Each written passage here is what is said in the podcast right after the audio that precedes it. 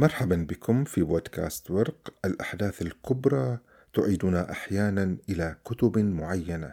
في هذه الحلقة أعود بكم إلى مجلة متخصصة في الفكر الإسلامي المعاصر، هي مجلة قضايا إسلامية معاصرة. حدث الكبير هو حدث زلزال تركيا وسوريا أعادني إلى العدد 74 الذي صدر عام 2020 وهو عدد مكرس لموضوع الشر. هذا الزلزال الذي هو دون شك يعد نموذجا للشر الطبيعي. هناك شر يحدث في الطبيعة من دون تدخل الإنسان من دون تدخل الإنسان ومن دون تدخل إرادة الإنسان ولا أعمال الإنسان. هذا الشر الذي يحدث في الطبيعة يطرح أسئلة كبرى حول العدالة عدالة الإله عدالة السماء عدالة المطلق الذي نؤمن به ونعتقد أنه خير كلي ونعتقد أنه عالم ومحيط بكل شيء وأنه خير مطلق.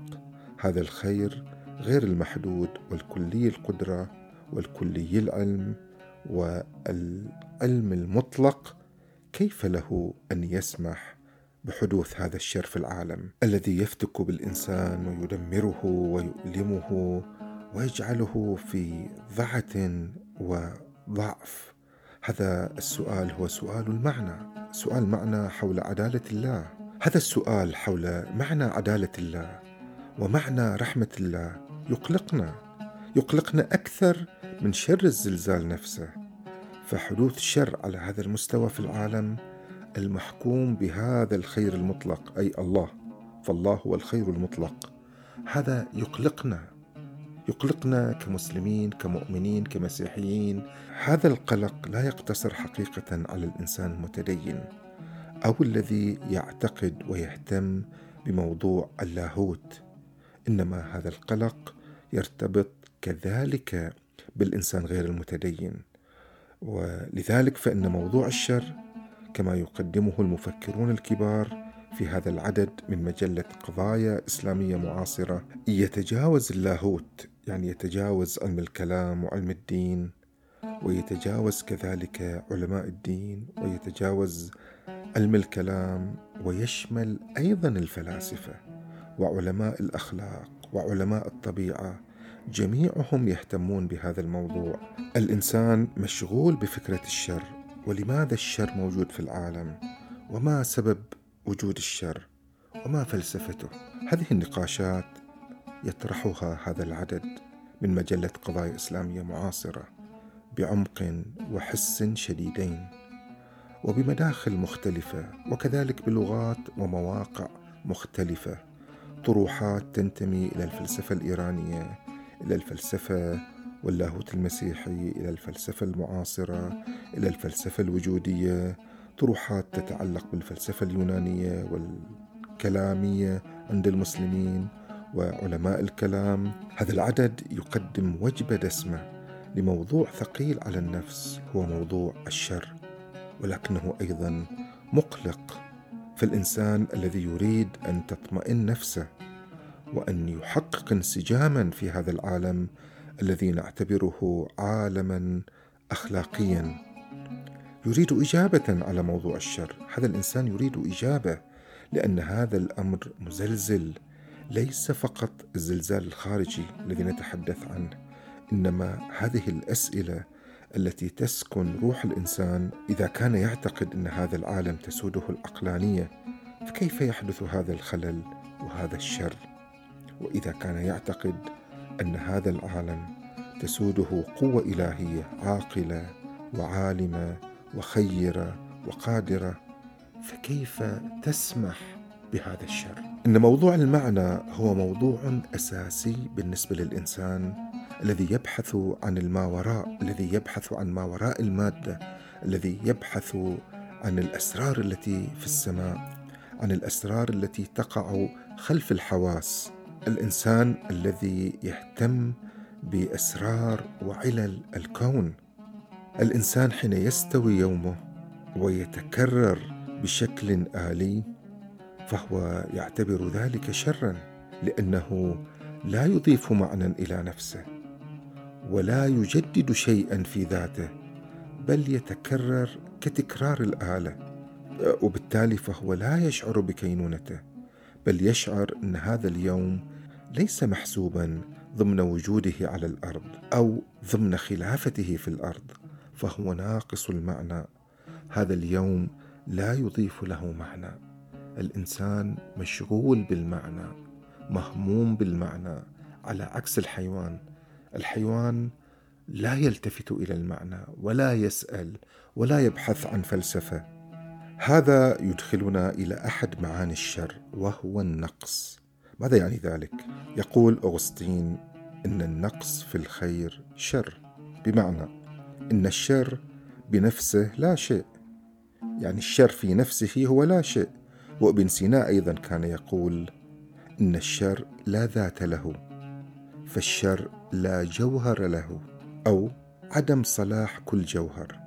بمعنى إن الحالة الخيرة هي حالة الصحة والسلامة واستقرار الأرض. وحين يحدث نقص في صحتك أو صحة الأرض فهذا هو الشر.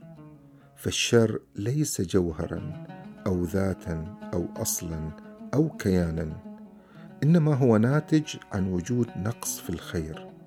الشر تحول في حالة الخير حين ينقص شيء من الخير. الأرض المستوية المستقرة حين ينقص فيها الاستقرار وتهتز فذلك هو الشر. فالزلزال شر. لماذا الزلزال شر؟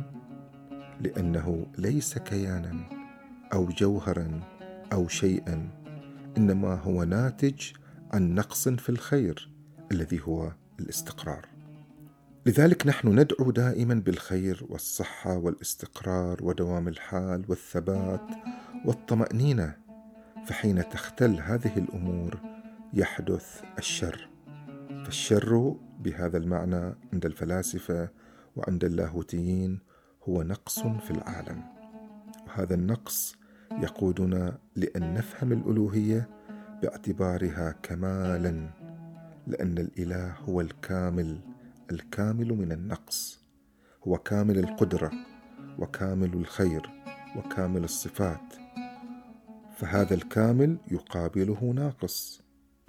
كل ما عدا الله هو ناقص وكل ما يقابل الإله فيه شيء من الشر. فالإنسان الذي هو ليس كلي القدرة وليس كلي الخير وليس كلي العلم وليس كلي العدل تنتابه نواقص وهذه النواقص هي الشر.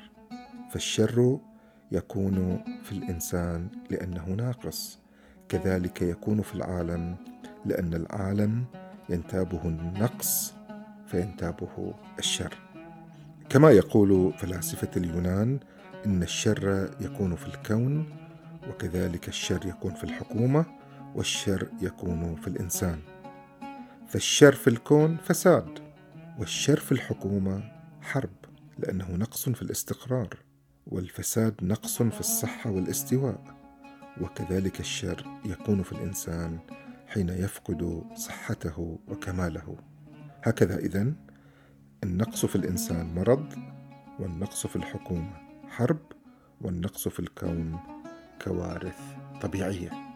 على صلة بالتصور الإلهي للكون وما يواجه الإنسان المؤمن في موضوع الكون هو يسعى هذا الإنسان المؤمن للبحث عن معنى وعن حكمة وعن علة لذلك وجدنا الكثير من الرسائل التي تتحدث عن الزلزال الذي وقع في سوريا وتركيا يتحدثون عن وجود علة في ذلك وفائدة. البعض كان يتداول مقاطع فيديوهات لعلماء يتحدثون أن بحركة الأرض تتحرك الصخور والقشرة الأرضية وطبقاتها فيخرج الخير. هذا الزلزال وهذه الحركة تقدم ما في باطن الأرض من خير من معادن وخيرات وثروات يبرزها ويقربها من السطح. فهذا الشر الذي نراه نحن شرا يكتنفه خير. ومن هنا المقولة الشهيرة كله خير فحتى ما تراه في صورة شر هو خير أحيانا لكن يخفى عليك واحيانا يبطأ عليك ولا تراه بصورة مباشرة.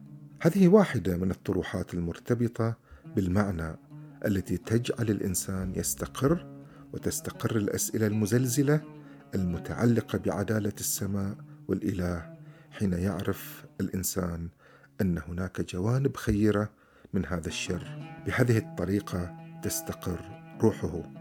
وهذا الطرح يرى أن كل ما يتعلق بمصلحة فهو خير.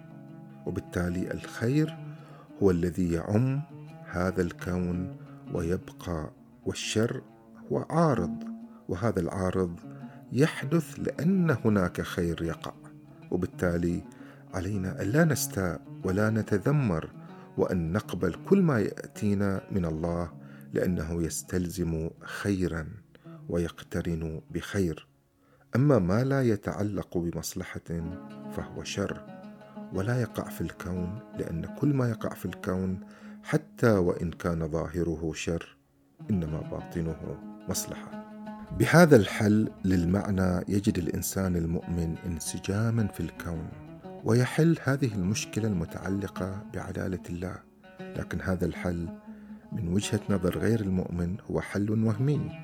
وكأن الإنسان المؤمن المسلم والمسيحي أو اليهودي يوهم نفسه بهذه الحلول. وبالتالي هو يعيش هذا الانسجام وهذا ما يجعله يتقبل ما يحدث في حين أن الإنسان الذي لا يتقبل ذلك يكون معرضا للانتحار. الانتحار يحدث حين يعترف الإنسان بأن هذه الحياة كثيرة عليه ولا يستطيع أن يفهمها. ينتحر.